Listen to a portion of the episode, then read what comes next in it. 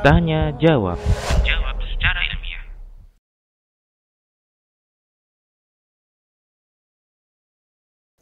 Baik, bismillah, alhamdulillah, wassalatu wassalamu ala rasulillah amma ba'd. Para muslim rahimani wa rahimakumullah. Eh, kita akan jelaskan tentang sedikit pembahagian harta haram. ya. Kemudian ketika dipindah tangankan harta haram ini kepada orang lain. Perlu kita ketahui, para muslim rahimani wa rahimakumullah, sesungguhnya harta haram itu terbagi menjadi dua. Yang pertama adalah haram zatnya. Yang kedua adalah haram iktisabnya, yaitu perolehannya, cara mendapatkannya. Untuk jenis pertama, yaitu haram zatnya. Contohnya adalah khamar, yang zatnya haram untuk dikonsumsi. Begitu juga contohnya eh, hewan-hewan yang haram seperti anjing, babi, ya. Menurut pendapat yang kuat anjing itu haram, walaupun ada sebagian ulama yang mengatakan makruh untuk dikonsumsi, ya. ya. Anjing, babi, hewan-hewan yang bertaring, yang dia memangsa manusia dari hewan-hewan darat, ya. Begitu juga bangkai, kotoran-kotoran. Nah, ini adalah barang-barang yang haram zatnya untuk dikonsumsi. Para muslim rahimani warahmatullah. Maka tentunya perpindahan kepemilikan kepada orang lain, maka ini tidaklah mengubah status hukum barang tersebut. Tetap dia adalah haram untuk dikonsumsi. Demikian ya. Haram untuk di, dikonsumsi. Demikian. Nah ini insya Allah eh, para ulama semuanya sepakat dalam masalah ini. Yaitu haram yang zatnya adalah haram untuk dikonsumsi. Baik para muslim rahimani warahmatullah. Kemudian jenis yang kedua adalah harta atau barang yang haram dari sisi perolehannya, itu pendapatannya, penghasilannya, yaitu barang-barang yang aslinya dia adalah barang yang suci. Tidak najis, ya. Maka barang tersebut yang zatnya adalah suci, namun cara mendapatkannya adalah haram. Seperti contohnya, ya, orang yang mendapatkan uang ya dari menjual dirinya. Atau contohnya orang yang menjual khamr atau barang-barang yang yang terlarang, ya barang-barang yang haram untuk dikonsumsi. Kata Nabi Shallallahu Alaihi Wasallam dalam sebuah hadis yang diriwayatkan oleh Imam Ahmad dalam musnadnya, Rasulullah Shallallahu Alaihi Wasallam bersabda, Inna idza harrama akla syai'in harrama samanahu. Sesungguhnya Allah apabila mengharamkan memakan sesuatu, maka Allah mengharamkan hasil jual belinya. Nih, seperti ini. Ya. Haram dia. Haram untuk di uh, haram uh, perolehannya demikian. Yang zatnya adalah suci, uang didapatkan. Begitu juga contohnya adalah orang-orang yang berpenghasilan dengan ribawi. Ya. Begitu juga orang-orang yang ya berpenghasilan dengan cara-cara yang haram. Ya. Seperti ya para artis-artis yang menjual mungkin ya kedustaan, peran-peran dusta demikian ya, para penyanyi ya.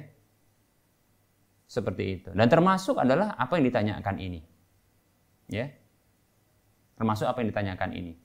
Kenapa? Karena dia ya oh, mendapatkan penghasilan uang, uangnya suci, namun dengan cara yang haram. Ya, yaitu dia berpenampilan seperti wanita. Padahal dia laki-laki. Demikian. Nah, cara ini adalah cara yang haram untuk mendapatkan uang. Seperti itu, mendapatkan penghasilan. Baik, untuk jenis keharaman yang kedua ini, para ulama mereka berbeda pendapat.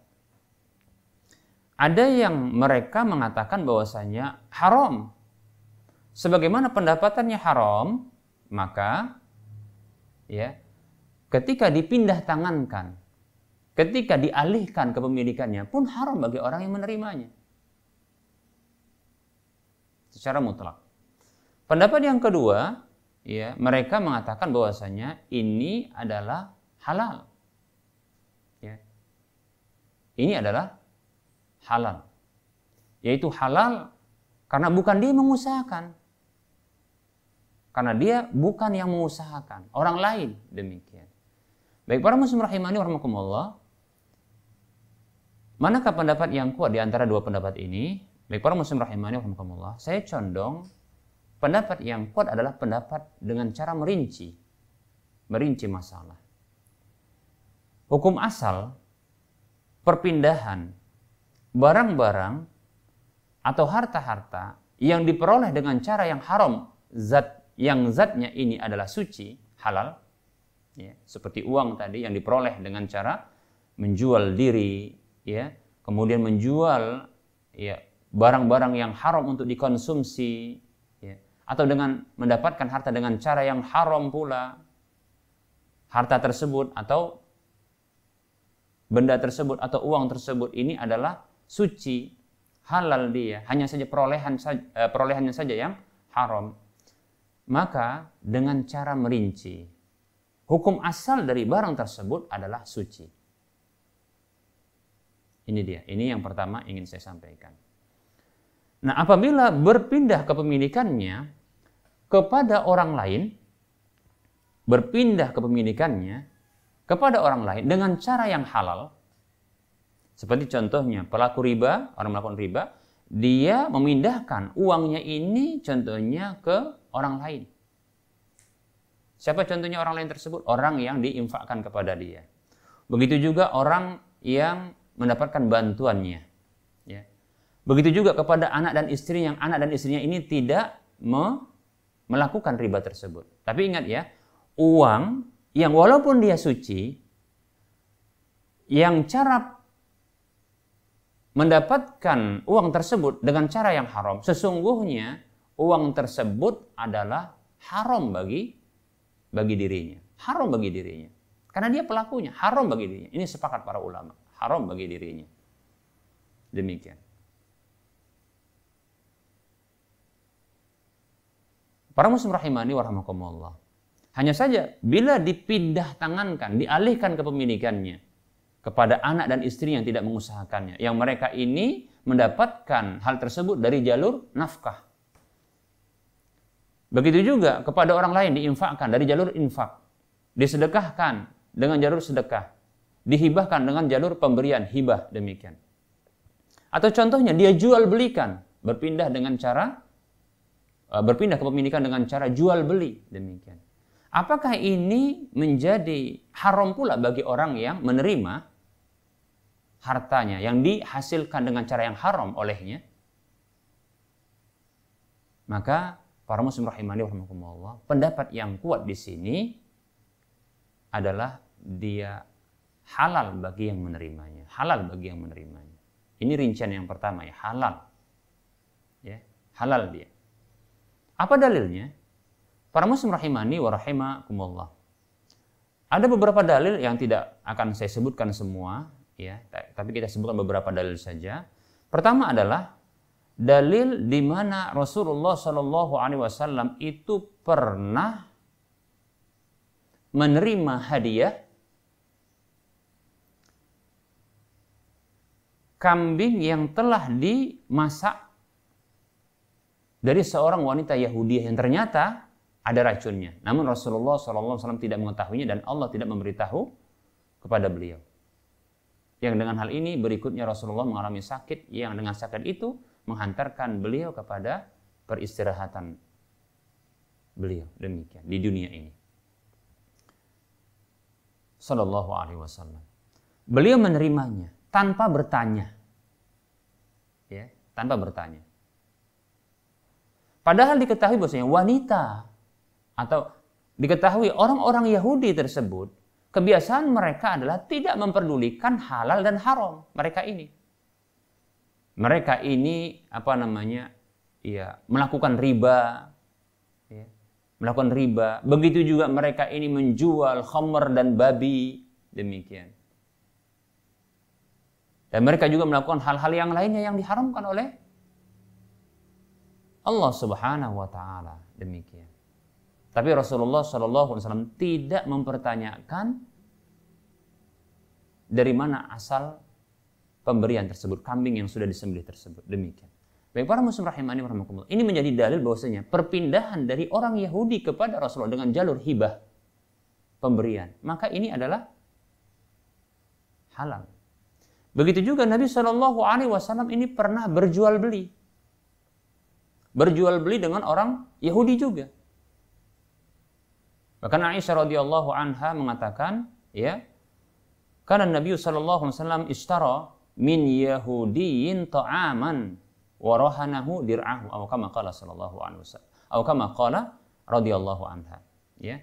Kata Aisyah radhiyallahu anha dahulu Rasulullah sallallahu alaihi wasallam Nabi sallallahu alaihi wasallam itu pernah membeli makanan dari orang Yahudi dengan cara pembayaran tertunda dan beliau menggadaikan baju besi beliau demikian Baik para muslim rahimani rahimakumullah. Rasulullah tidak bertanya ini makanan dari mana didapatkan menunjukkan bahwasanya perpindahan kepemilikan dari orang Yahudi yang mereka ini berinteraksi dalam muamalah harta ini kebanyakannya dalam perkara-perkara yang haram. Seperti contohnya adalah ya tadi riba, menjual ya barang-barang yang haram, khamar, babi dan seterusnya. Demikian. Nah, ini Rasulullah menerimanya. Baik para muslim rahimani warahmatullah tanpa mempertanyakan. Ini menunjukkan perpindahan seperti ini halal bagi Rasulullah. Ini adalah hadis. Hadis yang sahih diriwayatkan oleh Imam Bukhari kalau salah Muslim juga. Baik para muslim rahimani warahmatullah, nah kita akan ambil asar. Asar ya. Yaitu asar yang disebutkan dari Umar bin Khattab radhiyallahu an. Tatkala kalau tidak salah asar ini disebutkan oleh Imam Tabrani kalau tidak salah Umar bin Khattab radhiyallahu anhu tatkala beliau menjadi khalifah di masa beliau, beliau memiliki para para karyawan-karyawan atau para pegawai-pegawai yang mereka ini bekerja di departemen ya perpajakan yaitu pajak jizyah yang diberlakukan kepada orang-orang kafir. Bilal radhiyallahu an itu pernah melihat bahwasanya para pegawai Umar ini radhiyallahu an itu mengambil pembayaran jizyah upeti dari orang-orang kafir ahlul kitab itu berupa khamr dan babi. Lalu hal ini dilaporkan oleh oleh Bilal kepada Umar radhiyallahu an. Maka Umar radhiyallahu segera mengatakan kepada mereka dengan mengatakan, ya, walluhum bai'aha wa khudu antum asmanaha. Biarkan mereka yang menjual belikan barang-barang tersebut. Mengapa? Karena barang-barang ini haram untuk dikonsumsi. Zatnya haram dikonsumsi. Dipindah tangankan pun kepada orang-orang Islam kaum muslimin lewat jizyah. Ini tidak akan merubah tidak akan merubah hukumnya. Umar memerintahkan pegawainya untuk mengatakan biarkan mereka yang menjualnya dan kalian ambil hasil jual belinya. Demikian. Hasil jual beli dari babi dan khamr ini adalah haram. Rasulullah wasallam bersabda, "Inna Allah idza harrama akla syai'in harrama samanahu." Sesungguhnya Allah apabila mengharamkan memakan sesuatu maka Allah ya mengharamkan hasil jual belinya. Demikian. Haram, tapi Umar mengatakan wa khudhu antum asmana kalian ambil itu ya hasil jual belinya. Mengapa? Karena perpindahan dari orang kafir, perpindahan ya dari orang kafir kepada orang Islam, walaupun cara perolehannya haram, menjual barang-barang yang haram, ya. Ini haram tentunya, tapi bagi orang yang melakukannya. Dipindah tangan, dipindah tangankan, dialihkan kepemilikannya kepada apa?